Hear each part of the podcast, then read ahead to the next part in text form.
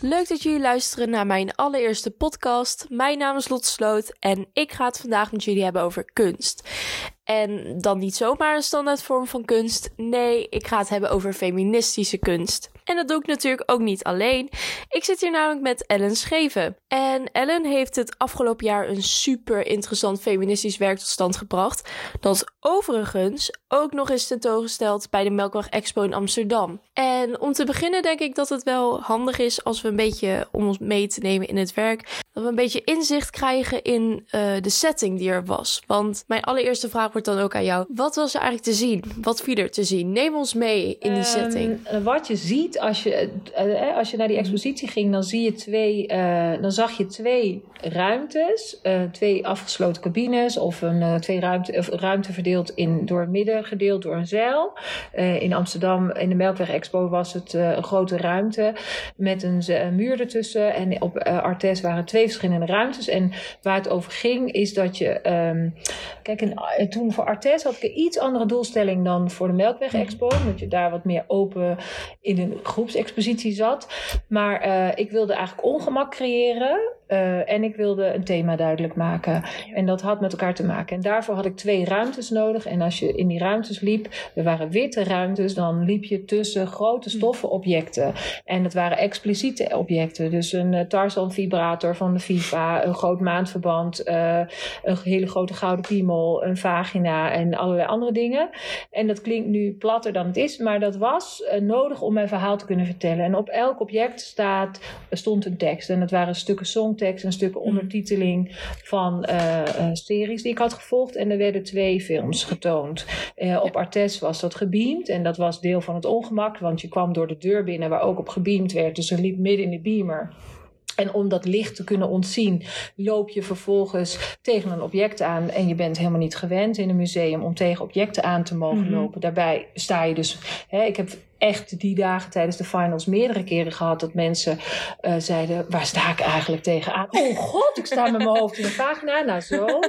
Uh, en dat was echt meerdere keren. Dat was steeds hetzelfde. Dat vond ik heel leuk. En, um, en, en uh, in, in Amsterdam waren er twee grote schermen. En dat was ook prima. En het, de films die waren eigenlijk bedoeld om het ongemak te ondersteunen, maar ook een soort confrontatie aan te gaan. Want eigenlijk uh, probeerde ik met mijn stoffenobjecten, die ook met pareltjes en glittertjes en mooie stofjes waren, probeerde ik eigenlijk de kijker een beetje te verleiden. En tegelijkertijd keihard te confronteren met ja. die film. Want op die films, uh, daar zag je. Um, ik had een hele grote verzameling aangelegd van uh, vrouwonvriendelijke teksten. Uh, waarin ik allerlei so, series die ik bekeek. En, en alle programma's die ik bekeek op Netflix of wat ik ook maar keek. Ging ik elke keer screenshots maken van alle ondertitelingen waarvan ik vond dat ze vrouwonvriendelijk waren. Mm -hmm. En dan krijg je dus zwarte schermen. Want bij Netflix en alle ja, andere mag wel vaker. Ja, mag je zie je het niet. Precies. En daar uh, op dat zwarte scherm, die ondertiteling heb ik heel gehouden, heb ik zelf uh, uh, beelden gemonteerd. En uh, daar was ik mee bezig. Maar wat je ziet, wat je zag, was twee ruimtes met, uh, en daar moet ik even op tussen, een mannenruimte en een vrouwenruimte. En de mannenruimte, daar zag je uh, objecten een beetje geïnspireerd op de rapcultuur en op het macho mannen. Mm -hmm. hè, ja. heel stereotyp. Met dat keg, met die Precies, en grote lippen met de keg, zo'n grill, wat, wat ik in de rap scene zag. En, de, en de vrouwenruimte met wat meer -hmm. feministischer getinte objecten en, en beide films films die ondersteunden dat. En die waren beide vormgegeven op basis van de ondertitelingen. En bij de mannenfilm zag je dan, ik had van digitale klei had ik uh, piemels gemaakt. Die gingen ja, van uh, slap naar erect. En dan zag je dat steeds. En bij de vrouw had ik allerlei beelden gevonden. Als ik zocht op vrouwelijke kunst, dan kreeg ik dat. En uh, omdat ik heel erg zocht naar tegenwicht. Van ja, die mannen die krijgen zoveel ruimte eigenlijk. wat, waar blijven die BH verbrandende feministische vrouwen eigenlijk. Ja, met hun, nou, daar moest ik echt veel meer mijn best voor doen. Waar heb je je inspiratie eigenlijk vandaan gehaald? Goeie vraag. Nou, omdat ik dus juf uh, ben, hè, docent beeldende vorming, eh, werk ik al heel lang met jongeren. En al twintig jaar. En ik zie in die twintig jaar zie ik een soort golfbewegingen altijd op allerlei vlakken. Hè, of dat nou mode is, maar ook in hoe mensen met elkaar omgaan. En ik vond al een tijdje dat ik dacht, joh, ik zie een soort man-vrouw verhouding waar ik me een beetje over verbaas. Dus ik zie een soort, um, soms zag ik uh, jongens zeer vrouw onvriendelijk. Hè? Want mm. deze leeftijdscategorie, hè, middelbare school waarin ik les gaf, daar hoort natuurlijk ook een soort van ongenuanceerdheid bij. En wat zwart-wit denken, dat kan erbij horen. Maar ik zag daarin een tendens die ik eigenlijk in de jaren daarvoor wat minder zag. Dus het vrouw onvriendelijke, het onderscheid ook, dat framing tussen man en vrouw zag ik veel meer. Waar tegelijkertijd, hè, want dat hokjesdenken is wel een beetje van mhm. deze tijd, vind ik, waar tegelijkertijd een hele grote grijze beweging in opkomst was van mensen die helemaal niet meer een man of een vrouw waren, niet per se op een man of een vrouw vielen, maar dat een soort hele mooie fluïde beweging was, zag ik dat ook heel sterk. En ik zag zelfs meisjes die vrouwonvriendelijk over zichzelf gingen doen. Dus die heel vrouwonvriendelijk gingen praten of zichzelf heel erg lieten objectiveren of die zichzelf hè, met de sexting, die gewoon maar zich op de kop lieten zitten. Ja, dat was bij mij volgens mij ook in de eerste al zo. Maar je zou ook nu eigenlijk, uh, nu zou je juist denken van, oh, maar het is al heel erg geëmancipeerd. En mensen die uh, zeg maar, dat onderscheid tussen man en vrouw is er bijna niet meer. Dus dat is ook best wel grappig dat ja, dat dan juist meer is nu. Ja, dat is ook zo. En ik dacht, eigenlijk heeft het volgens mij te maken met dat mensen zo, omdat alles heel fluïde is, dat ze gewoon toch heel graag hokjes willen. Ze willen gewoon duiden. Volgens mij willen ze gewoon labelen. Dit is een mevrouw die, of dit is een meneer die, of dit is een zus, of dit is een zo. Volgens mij had dat ermee te maken. En ik vond dat meisjes ook een soort verpreutsing uh, lieten zien. Dus dat ze, uh, waar ik vroeger, toen ik toch uh, ik heb ook natuurlijk filosofie en ethiek gestudeerd, dus ik ging, had ook levensbeschouwing lessen. En dan zag ik ook dat uh, uh, mensen gewoon um, heel open waren over seksualiteit en over naakt zijn en wat dan ook. En daar zag ik ook een heel groot verschil in. Dat ik dacht, joh, hallo je kent je lijf niet, je weet niet wat je wil. Uh, ik zag aantallen, hè, 53% van de meisjes heeft een chronisch pijn bij de seks. Mm -hmm. Tussen de 15 en de 25 jaar. Dus als je het over hebt, dit is, we beginnen nu met seks, dit is die leeftijd. 53%, meer dan de helft, heeft altijd pijn. Waarom? Omdat die jongens kijken porno, dus die slingeren het kind de kamer door. Sorry, jij bent een oud leerling net te praten. Maar die, zijn, niet uit, die, die, doen best wel uh, fanatiek allerlei dingen, even gechargeerd. Mm -hmm. En mij meisjes uh, zijn wat preutser. Of kijken net zo goed porno en denken dat dat de norm is. Of zijn wat preutser en kennen hun eigen lijf helemaal niet. En daar, zie, daar had ik heel veel over opgezocht. Dus wat ik toen ben gaan doen is, door alles wat ik zag, ben ik gaan vragen aan die leerlingen allerlei dingen. Van wat kijk je dan en wat zie je dan en uh, uh, hoe zie je dat? En toen heb ik ze gewoon gevraagd van geef me je materiaal. En dan kreeg ik heel veel rap, maar ze, liet, ze wilden ook dat ik porno ging kijken. Dus zei nee, hallo. Dat Was dat niet zo gemakkelijk om te... ja, wel, welke ongemakkelijk. Welke klas heb je eigenlijk gevraagd? En waarom Allerlei klassen eigenlijk. Ook bovenbouw en onderbouw wel. Maar ik merkte onderbouw is natuurlijk allemaal wat bleuier. Dus eigenlijk vanaf drie, vier heb ik vooral die gesprekken gevraagd. En ik heb iets van drie dagen heb ik materiaal. Ik heb allemaal lijstjes gekregen en mailtjes en linkjes. En daar ben ik allemaal gaan kijken tot ik echt groen van zag. En ook wel echt wel genoeg had. Ja. En in die tijd werd ook in Utrecht in de tram uh, geschoten. Oh, en dat was mijn eerste object. Dus toen heb ik dat geweer genaaid met daar vind ik iets van. Want mijn eerste, allereerste inspiratiebron was, of uh, gedachte was eigenlijk, mijn afstuderen moet gaan over dat iedereen overal waar wat van vindt. En we liken ja. de hele godganse Dat is ook je Instagram uh, precies, en daar vind alles. Ik, precies, daar vind ik iets van. En ik wilde eigenlijk iets doen over stilprotest. Of dat we juist niks maar vinden en zo. En toen, dus ik wilde eigenlijk een heel stil onderwerp maken. Ja. En toen werd het toch heel luid door, uh, doordat ik al die lijntjes samen gingen lopen. Hè? Dus die leerlingen die me dit gaven. En dat ik dacht, ja, maar waar zijn dan die vrouwen? En al die vrouwen die mhm. al zoveel jaar strijden. En Simone de Beauvoir en al die feministische golven en alles. Waar is dat erfgoed gebleven? En zo ontstond eigenlijk mijn werk met die tweedeling tussen man en vrouw. Ja, dus het is eigenlijk meer een soort van ook van activisme. Want vind je jezelf ja. ook eigenlijk feministisch activist? Nou, dat is een hele mooie vraag. Ik vind jou echt heel goed. uh, wat ik, nou, dat is interessant, want ik geef hiernaast, naast deze school geef ik ook les aan volwassenen bij een groep. Mm -hmm. En een van de lessen die ik overnam ging over activisme. En de docent die ik overnam zei, die die zei ook echt: Ik wil dat je spreekt over activisme en over je eigen werk. Moest ik heel hard lachen, want ik dacht: Ben ik nou. Ik denk dat ik in wezen altijd graag een activist ben. Want ja. ik, ik hou gewoon van als het schuurt. En ik hou van als ik een boodschap heb. En ik hou, het is ook een beetje ego natuurlijk. Maar ik hou er ook van als ik mens, bij mensen iets wakker maak. Of, of als ze mij weerwoord geven. Dus in die zin hou ik wel van dat reactiegevoel. Uh, uh, vind ik mezelf een feministisch activisme? Nou, soms heel erg en soms ook helemaal niet. Uh, eh, ik merkte dat ik gedurende deze expositie ook met Amsterdam opnieuw elke keer weer me moest positioneren als activist. wat wil ik nou eigenlijk? Ja, want welke rol heb je dan ook eigenlijk nog? Ben je nog kunstenaar of ben je activist? Want het is een protest tegelijk. Allebei, denk ik. En je ziet natuurlijk dat tegenwoordig de kunst is altijd wel geëngageerd en we reageren zo op wat de wereld uh, ons geeft. Maar, en dat is ook wat ik het liefste doe. Ik wil mhm. niet gewoon een bloemetjeschilderij maken voor boven de bank. Maar ik, je, het vraagt ook een moed en een soort van uh, houding van jezelf. En die heb ik natuurlijk niet altijd. Ik sta niet elke ochtend zelfverzekerd voor de spiegel van... nou, ik ga die wereld eens redden. ik denk ook wel eens, kak, mijn haar zit niet goed. Of ik ben te dik, of weet ik veel wat. Mhm. dus, het, dus dat activisme is, vind ik best een relatief begrip. Het is wel zo dat als ik iets maak, dat ik graag het, een verhaal heb. En, en er graag een beetje Ja, dat heb ik ook wel meegekregen toen ik hier zat. Daar heb ik misschien zelf ook nog wel over, of ja. ja overgehouden. Want ik maak ook heel graag sociaal uh, bewogen werk. Is nog niet echt dat is het. nee, maar ik, jij, dat, en dat is ook jouw liefde voor filosofie. En dat stuk zit er bij jou ook in. Dat komt ook door mijn uh, master aan de UVH. Dat ik hm. bij die, dat stuk van filosofie en ethiek. Ik kijk graag naar wat de mensen doen. En wat, de wereld, wat er in de wereld gebeurt. En daar reageer ik gewoon graag op.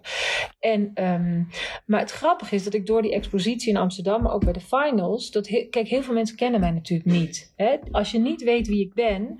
Uh, dan waren ze soms verbaasd dat ik hoorde bij dit werk. Want ik was natuurlijk wat ouder dan de gemiddelde ja, mens. Maar de stereotyperende is wel een meisje van 23, meestal LHBT. Ja, ik kan hem ook niet afmaken. Dus dat is dan, ja, dat, misschien dat schuurt dan ook wel weer, maar dat werkt ook heel goed. Precies. En ik, had, ik was niet jong en ik was niet blond en ik had geen hoge hakken en ik had geen rode lipstick. Nou, die dan wel. uh, en en ik, was, ik ben hetero. Ik heb thuis een mm. cisman, dus een man die als man geboren is. Ik heb gewoon drie kinderen. Ik ben gewoon een vrouw, een huisvrouw. En ik merkte dat heel veel mensen dachten dat ik echt een feministische op de barricade mevrouw was. En dat ik gewoon... Een, een of andere dolle Mina die zit te lopen. dat ik gewoon... Eh, en dat verbaasde over lesbisch. Heel veel mensen gingen ook vragen, hoe is je relatie? Heb jij een goede relatie? Alsof ik thuis de broek Alsof dat dingen kapot maakt eigenlijk. Maar dat moet er dan ook weer uit, vind ik persoonlijk. Precies. Want het maakt niks kapot. En zij je echt zo iemand bent die daar, ja, die echt die oude standaards nog wil omhoog houden. Ja, maar dat was dus heel grappig. Want uh, ook bij de opening van de expositie was Bas er dan, mijn man. En dat ze dan naar, mij, naar hem en mij zo gingen kijken van, oh, en hoe is dat dan? En hem daar ook vragen over gingen stellen. Wij moesten eigenlijk een beetje om lachen van, joh, ja, maar weet je, dit kan gewoon naast elkaar bestaan. Juist omdat mhm. wij dit kunnen zo maar daarmee heb je dan ook eigenlijk weer een boodschap misschien Juist. onbewust. Gewoon je man meenemen is eigenlijk ja, ook wat kunstwerk. ik doe dit dus niet uit bitterheid vanuit mijn eigen leven. Ik doe dit echt als observator van wat ik zie in de wereld. En misschien heb ik ook later wel eens gedacht... wat ik dacht te zien is ook maar een aanname of een interpretatie van een fenomeen... die ik denk te zien hè, en die ik in Doetinchems dacht te zien. Ik doe geen, daarmee geen uitspraken over wat er in andere delen van de wereld gebeurt... of wat er in mhm. Amsterdam gebeurt of wat er elders gebeurt. Dus meer jouw mening, daar komt het op, daar vind ik wel van. Dan Juist, ja. dat is ook zo. Want ik was namelijk in um, Amsterdam. Circle gewoon. Precies, heel goed. Ja. En ik was in Amsterdam en toen waren er uh, ook mensen die zeiden, uh, die andere reacties gaven dan in Arnhem bijvoorbeeld. Zoals bijvoorbeeld? Dat vond ik ook het interessantste aan alle gesprekken mhm. die ik had met de mensen op de exposities. Dat ze ook zeiden, ook, weet je, er kwamen soms families binnen of, of uh, een zoon met zijn moeder. En dat die zei, ja, het is wel zo, als ik met mijn vrienden ben, dan sta ik inderdaad wel zo te brallen. Ja, dan sta ik wel, uh, ja. die wijven dit en... Uh, Verwachtte je ook heel veel van die reacties die je kreeg? Of waren er ook nog echt dingen dat je echt dacht van, huh, oh, dat, dat had ik eigenlijk niet verwacht dat ik dat als reactie terug zou krijgen? Nou, dat ze zeiden, ja, maar hier zijn we toch eigenlijk al geweest. Daar zijn we toch eigenlijk voorbij. En dan zei ik, is dat zo? En toen bleek ook later dat het nog wel meeviel. Maar ook wel mensen die zeiden, ja, is dat uh, is dit echt nog heel actueel, ook op alle plekken in de wereld? Dus dat weet ik niet. Maar misschien regionaal bij ons juist meer wel. wel. Nou, en toen, als je dan in gesprek komt, dan herkent eigenlijk iedereen nog wel daar wel wat van. Maar het grappige is dat ze in Arnhem allemaal zeiden: Oh, wat goed dat je dit aansnijdt en dit werk. En het doet er zo toe. En het is echt belangrijk. En iemand moet het doen. En ook mijn ouders en familie, weet je wel, van die ja, verstopte achterhoekers. Die echt zeiden: Nou, Ellen, op de barricade.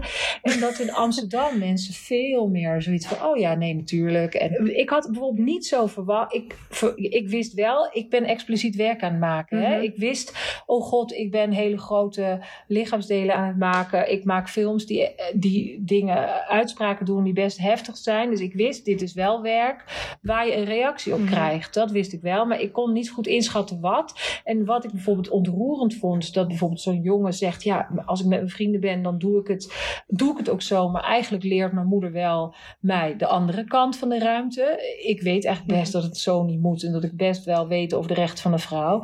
Dus dat, hij, dat zo'n jongen uit zichzelf begint te vertellen dat hij die twee kanten ook in zichzelf heeft. Ik heb ook mensen gehad die in tranen uitbarsten. Oh. Eh, ja, een, vrouw die ik heb zo, had een heel groot eh, doek hangen met een geborduurd tafelkleed en er zat een grote vagina op en dan stond daar boven en onder I'm not an object. En Ja. zo'n mevrouw die eh, ja 60, 70 jaar, nou 70 zeker, die een beetje ontroerd was en zei: "Oh, ik heb voor deze uitspraak heb ik zoveel moeten vechten dat ik niet een object ben en dat ik gewoon een mens ben en ik heb me zo moeten ontworstelen aan mijn jeugd en aan mijn eh, geschiedenis en hoe wij dat in het gezin deden. En dat ik gewoon mocht studeren en dat ik gewoon iets mocht zijn. En dat ik niet als, eh, door de man als voetveeg gebruikt mocht worden. Of, eh, voor haar ging het over zoveel meer dan het als object gebruikt Mhm. worden. Waar wij eigenlijk, waarvan je ook ziet dat je, meisjes van nu, die kiezen er gewoon voor zichzelf te objectiveren door hun selfies of door bepaalde poses aan te nemen of door sexy foto's of wat dan ook te maken. En dat is ook feminisme als je daar zelf voor kan kiezen. Ja.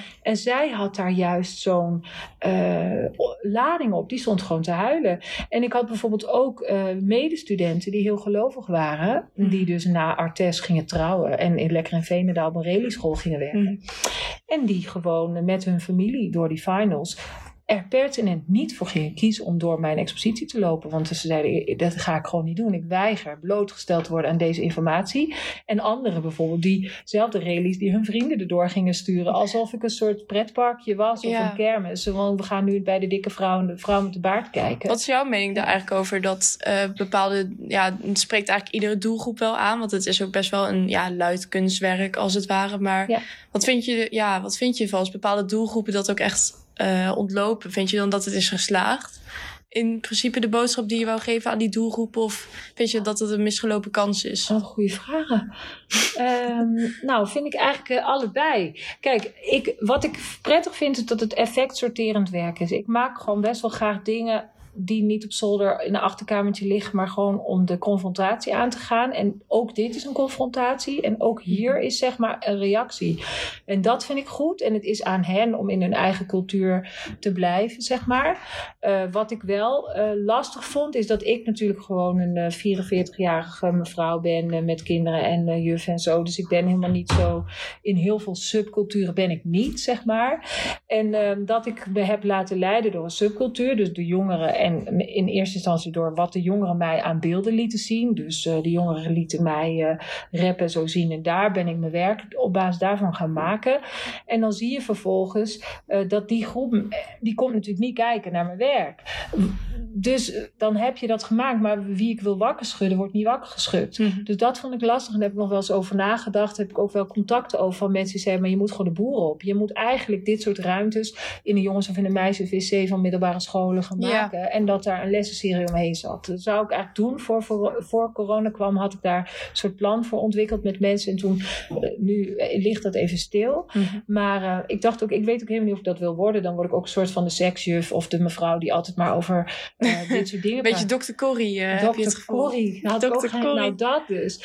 Dus dat was wel een beetje wat er speelde. Ik vind eigenlijk, wat ik ook wel als kritiek kreeg, en dat vond ik eigenlijk ook wel terecht, dat mensen zeiden, je laat ook een heel groot stuk van de, van de gemeenschap die er ook is, laat je niet, eh, gebruik je niet in je beelden. En dat is de LHBTQ nog wat Ja. moeilijke eh, naam. Dus alle mensen die niet duidelijk man of duidelijk vrouw zijn, of alle mensen die niet zo denken. Dus dat grijs Ja, of datzelfde ook nog wel voor hun geldt. Dat liet je eigenlijk weg. Precies, en, Ja, dat, en daar heb ik wel eh, vragen over gekregen en dat vond ik eigenlijk heel leuk. Dat was ook, eh, wie deed dat toch? Dokes van der Made bijvoorbeeld, die stelde, stelde hele goede vragen van eh Tent, is hij volgens mij. Maar hij zei, eh, waarom laat je dat stuk achterwege? En zei nou ja, omdat ik me liet inspireren door de rap. En daar is het ook niet. Je ziet, je ziet gewoon niet zoveel queer of, Nee, of transgender of weet ik veel wat voor mensen eh, lekker rappen en met een eh, cabrio rondrijden, lekker Mhm.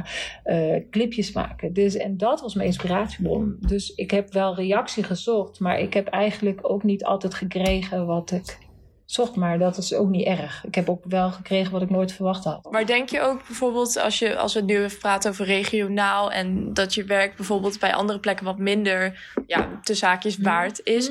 Denk je ook van, nou stel je zou in Amsterdam hebben gewoond, zou je dan nog hetzelfde werk hebben gemaakt? Dat weet ik niet. Dat is een hele Ja, goede vraag. Dat is raar. hè? Weet ik niet. Nou, het ligt er denk ik heel erg aan. Want als ik, ik ben veel in Amsterdam geweest toen en ook wel voor bijscholing en voor anderen. Kijk, ik heb er nooit gewoond hoor. Maar alle keren dat ik daar was, dan zie je ook dat stuk wat ik beschrijf, zie ik ook. Eh, en het ligt denk ik ook in welke gebieden je bent en op welke Ja. scholen je bent. Ik bedoel, als je op bepaalde scholen en tussen bepaalde bevolkingsgroepen bevindt of een bepaalde opleidingsniveaus, zie je gewoon meer of minder nuance of meer of minder vrouwvriendelijkheid dan op andere plekken. En ehm, ik denk dat dat dus een beetje uitmaakt waar ik kom. Mhm. En ik weet dus niet of ik dan ander werk had gemaakt. Ik verbaas me altijd over het mens zijn. Dat is Mhm. altijd de rode draad. Ik vind mensen een heel wonderlijk diersoort. Dus dat had vast iets over mensen geweest, maar of het ook over feminisme of seksualiteit, weet ik niet. Maar daarom vond ik ook de Melkweg-expositie zo goed passen, omdat het ging over bad feminism. En dat was naar aanleiding van een essay van eh, die mevrouw wiens naam ik vergat.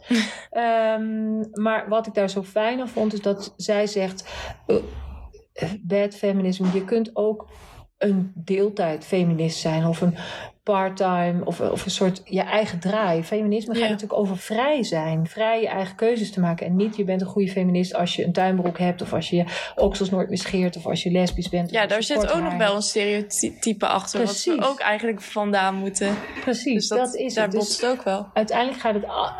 Je hebt het over hokjes. En ik Ja. denk dat.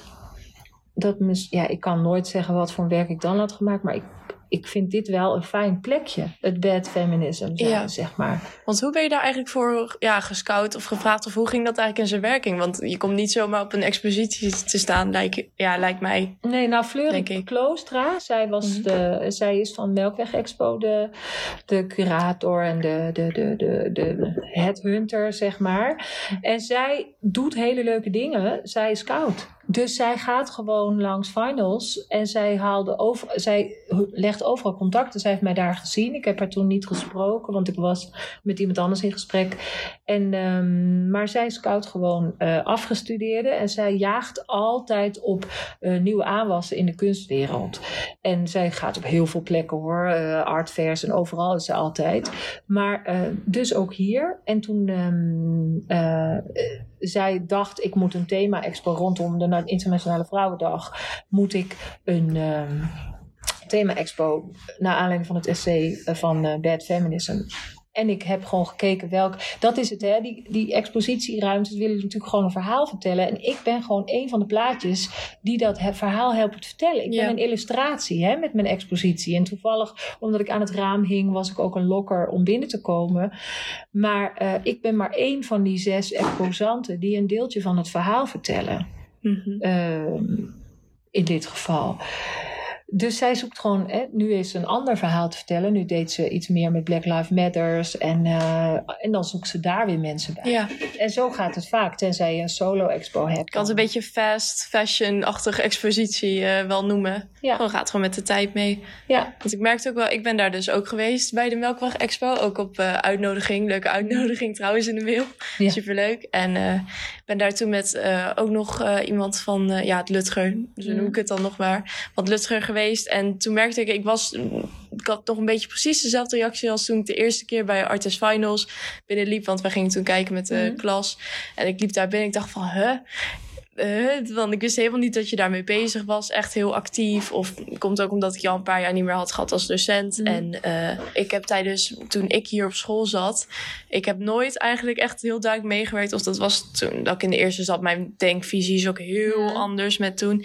Van uh, dat echt iets ja, feministisch of zo. Dat echt feminisme werd behandeld op school. Ook vooral in de kunst. Terwijl dat eigenlijk best wel veel spreekt. Ik kwam in de derde pas meer met Marina Abramovic en dat soort dingen. Maar ja, dat, toen, dacht, ik- toen betrapte ik mezelf ook wel erg op dat stereotyperende denk van... Huh, mijn beeldenvorming dat gemaakt. En we hebben het in de klas nooit gehad over feminisme in dat opzicht. En ja, dat, dat chockerende vond ik toen ook wel lekker. Van, oh, wacht even. Huh, oh, dat is leuk. En, ja, maar ervaar je ook ongemak daardoor? Ik je dat, wat zit, wat zit ik nou te kijken? Ik zit te kijken naar de piemels die een mevrouw van docent van mij heeft gemaakt. Zoiets. Ik denk in het begin dacht ik wel even van... Oh, dus uh, zij heeft daar echt naar zitten kijken en dat zit te naaien. En weet ik, ik dacht dat wel in het begin. Maar ja, ik ben zelf nogal op de kunstwereld ingesteld. Dus ik denk dat dat wel wende. Maar als ik bijvoorbeeld van mijn vriendengroep van de middelbare school. Zelfs nu, als ik dan vertel van ik heb een naakmodel moeten tekenen met tekenen. Dan zitten al hun al met open mond van zo. En wat vond je ervan? Dus ik denk wel echt dat die een hartaanval erger hadden gehad mhm. dan ik. Maar toen dacht ja, ik vond dat ook wel lekker werken toen. Uh, ja.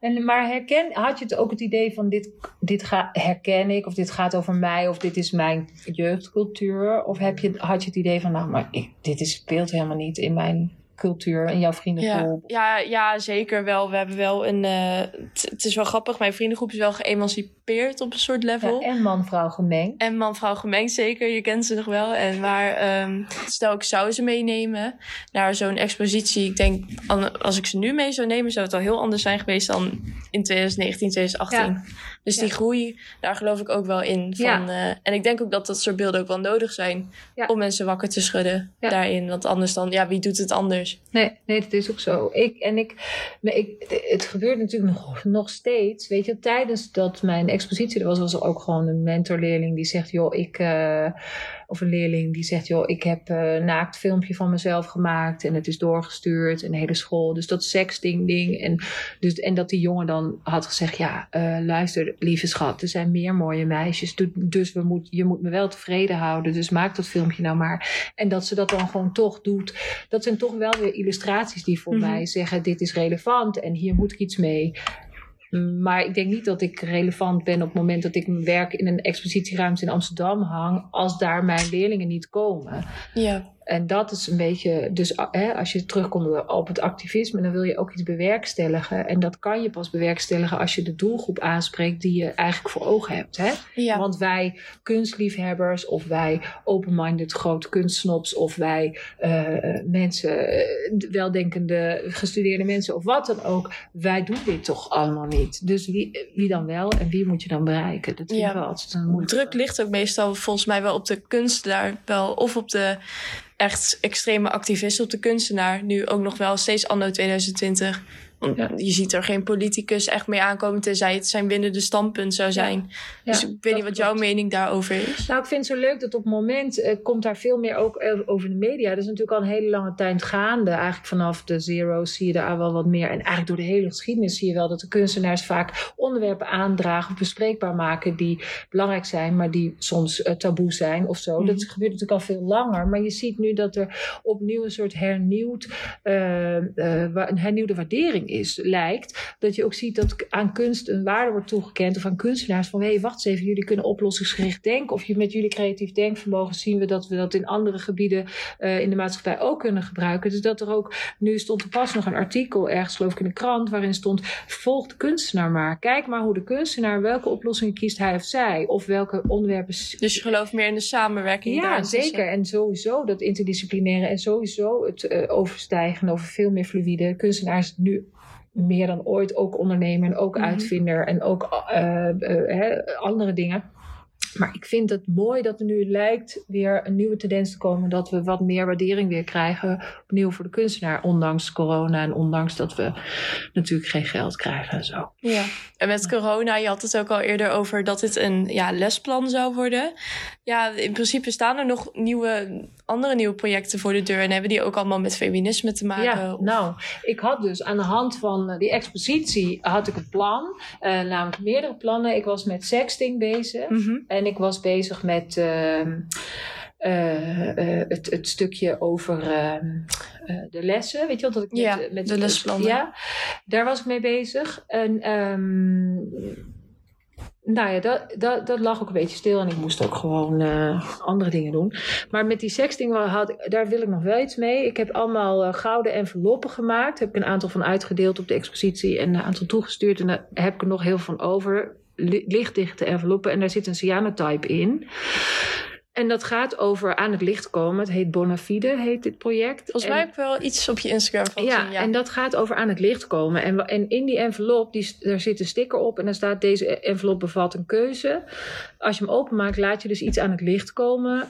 Waarvan je je af moet vragen of je dat wil. Want je verspreidt daarmee namelijk expliciet materiaal. Want Oh, ja. in de envelop zit dus een cyanotype. Dat is een papier wat lichtgevoelig is gemaakt. Met eh cyanotype vloeistof. En daar zit een sheet op met een, eh, een, met een expliciete afbeelding van een meisje. En daarachter een tekst.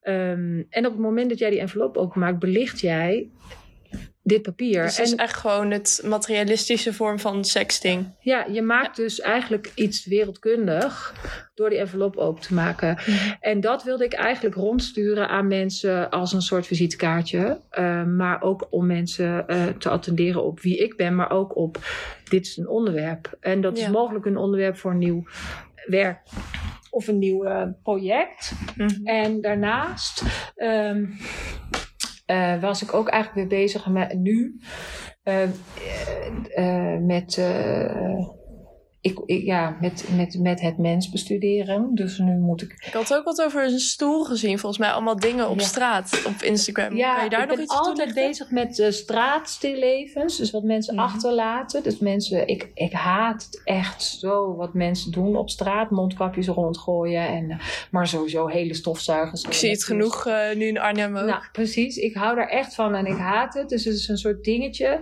En ehm, ik had, eh, nou, ik was in Friesland en daar hadden mensen gewoon twee stoelen neergezet. En dat was een heel mooie foto geworden. En die, stoel, die foto is dan weer gebruikt voor de aankondiging van de expositie van een vriendin van Melanie Bosboom van It's a Jungle in Utrecht bij de Moving Gallery was dat. Mhm. Was dit dan de poster geworden.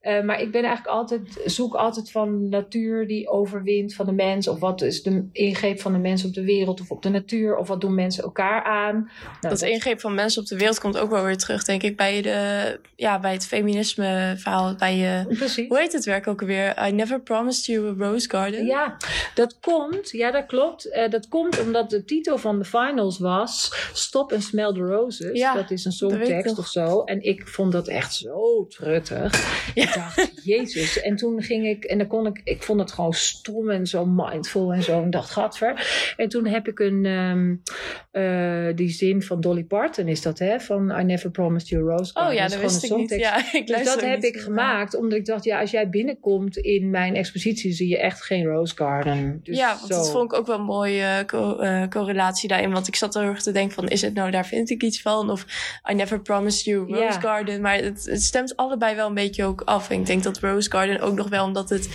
de, zeg maar, de geslachtsdelen die je ook hebt gemaakt, dat is ook best wel, ja, in principe, als geen geslachtsdelen waren, had het net zo goed een knuffel kunnen zijn bij Ja. oma op eh, de slaapkamer die ze voor eh, je heeft gebreid voor de winter, weet ik veel. Ja.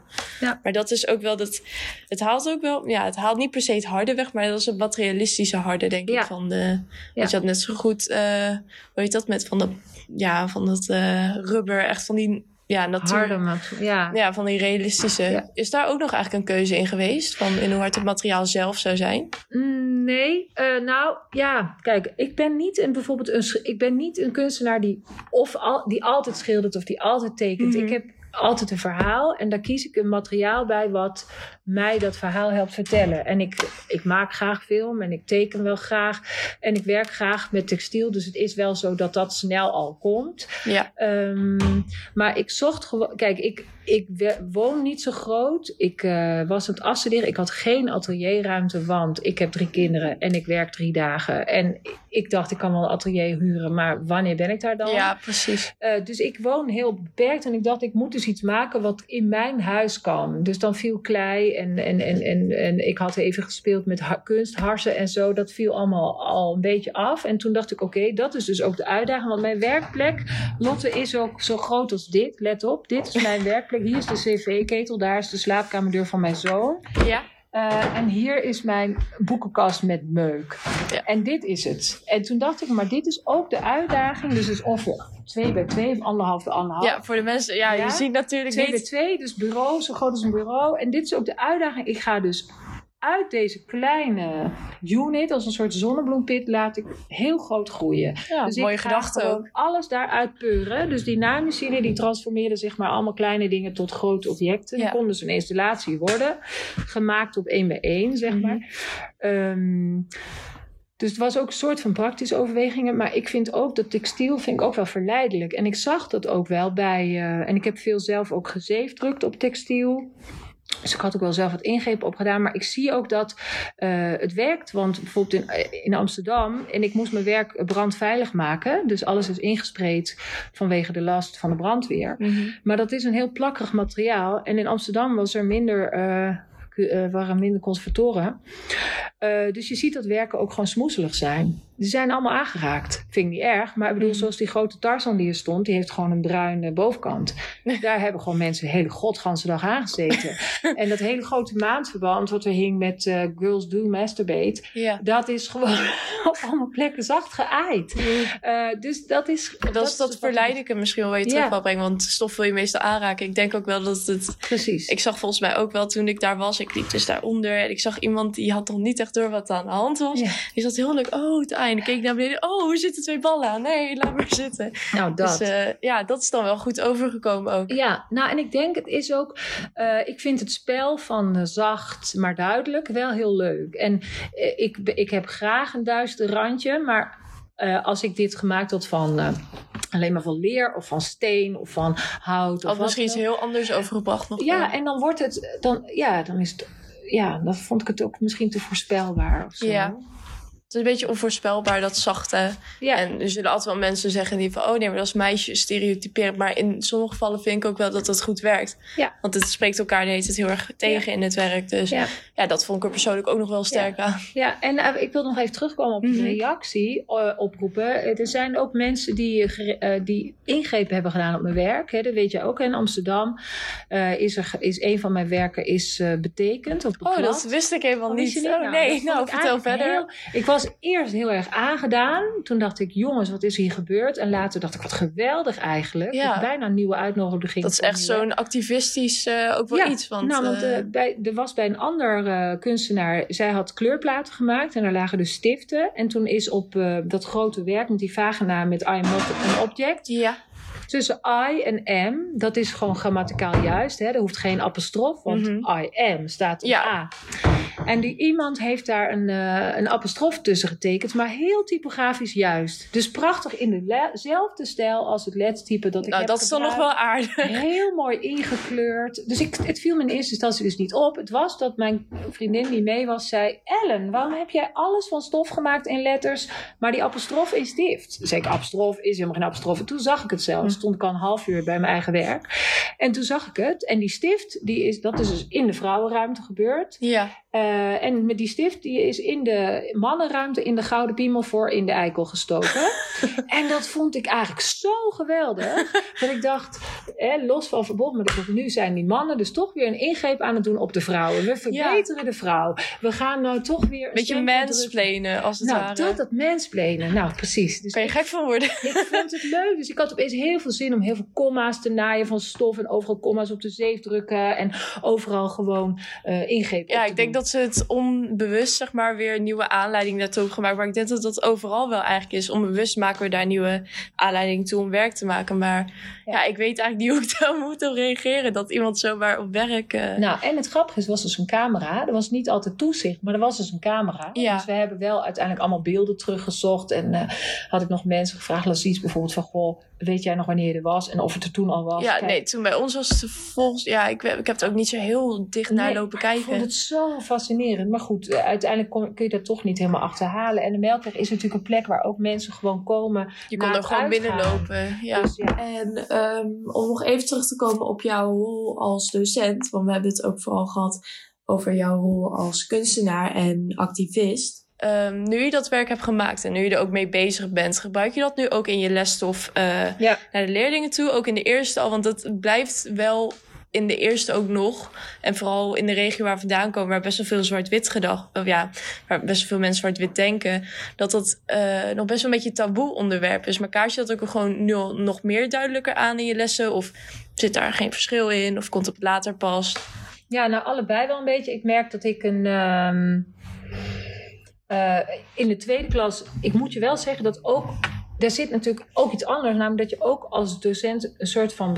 Ik heb dan een soort van bescheidenheid. Dus ik vind het dan heel raar om mijn eigen werk te bespreken. Ja, nee, precies. Dus dat doe ik dan niet per se. eh, behalve dan toen mijn collega er me daar echt op eh, wees van je moet dat echt doen. Want het gaat over tekst en beeld en installaties. Dus hallo, hoezo kan jouw werk daar niet in? Heb ik dat gedaan, maar dat vind ik dan toch ongemakkelijk. En ik kies, je gaat ook niet zo snel in een PowerPoint piemels en zo doen. Nee, precies. Dus dat moet zich er wel toe lenen. Dus ik merk dat ik daar wat voorzichtig in ben om mijn eigen werk te laten zien. Maar wat deze expositie en het kunstacademie doen en alles wel heeft meegebracht, is dat ik veel meer hybride kunstenaar-docent ben dan ooit. Dus eerst Ja. vooral docent. En Volgens nu, mij begon je ook met de deeltijd toen ik in de eerste zat, toch? Of tweede?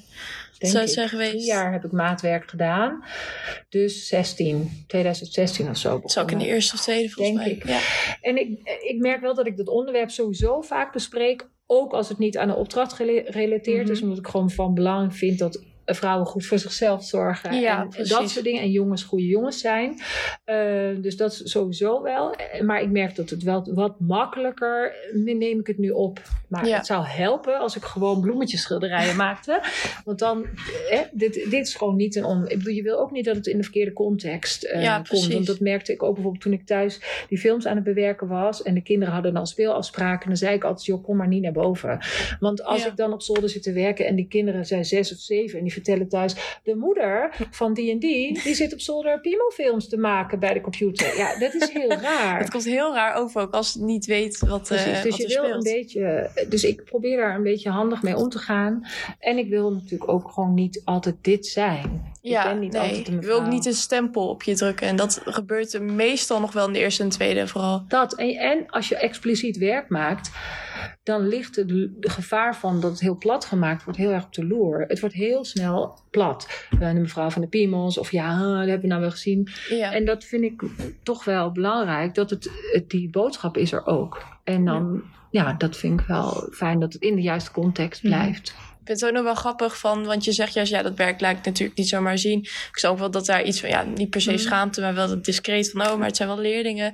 Maar tegelijkertijd had je ook wel advies aan hun gevraagd tijdens je werk van, hey, hoe doe ik dat? Dus die relatie daartussen is ook altijd, ja, misschien Ja. een beetje warrig. Maar het grappige is dat de leerlingen van wie ik het meeste informatie heb gekregen, dat zijn eigenlijk de leerlingen met wie ik het minst daarna er nog over gehad heb. Ja, Dus ik heb aan hen eigenlijk het meest te danken, maar heb ik eigenlijk daarna zag ik ze niet meer in de les of ze gingen al afstuderen of eh, wat dan ook of examen doen. En dat was dus eigenlijk daar gebleven. Dat is eigenlijk Mhm. interessant, hè? ja. Ja. Gewoon met zich mee verder gegaan. Ja, en zij zitten nog steeds lekker hun eh, dingetje te doen met eh, alles waarvoor die expositie dringend nodig was. Ja, Ja, precies. Hopelijk verandert dat ook misschien nog wel in de nabije toekomst. ja, Misschien nog een keer eh ja, gaan borduren. ja zat ik ook. Voor het raam hangen als ze slagen. Vinden ze vast fijn. ja, ik kreeg, ik kreeg een, eh, een vlag met een, eh, met een eh, hoodie. En eh, dan de volgende keer gewoon een, eh, een vlag met een, eh, een piemel waarop staat: hey, geslaagd. Be a good girl. Ja, heel precies. goed. Ja, maar weet je, toch vind ik ook ehm, alleen esthetiek is ook een keuze. Hè? Dat is ook goed. Als je zegt, Mm. nou, ik wil niet per se. En dat is dan ook een randje of een verhaal. ja, Dat vind ik dan ook altijd wel interessant. Dat mensen dat stuk mag er dan ook zijn of zo. Hè? ja, Als je alleen maar voor het mooie of de vredelievendheid. Ja, is ook precies. keuze. precies. Dat is ook keuzes die je kan maken. In, eh, niet alles hoeft activistisch te zijn om daaruit te springen, Nee, eigenlijk. nee, maar ik denk, dat is eigenlijk een heel interessante vraag. Hè. Is niet op dit moment sowieso bijna alle kunst eh, nou, ergens een activistische uiting? Mhm. Ik bedoel, dan is het misschien niet per se heel erg tegen pathie en satire of tegen weet ik veel wat, maar dan is het wel. Ergens is het een soort. Bijna altijd wel activisme, ik zou je kunnen afvragen, toch? Ja. Want alles is wel heel snel een statement, of je wilt toch ergens een reactie of iets bewerkstelligen. Ja, dat is wel waar. Zat plaats over na te denken.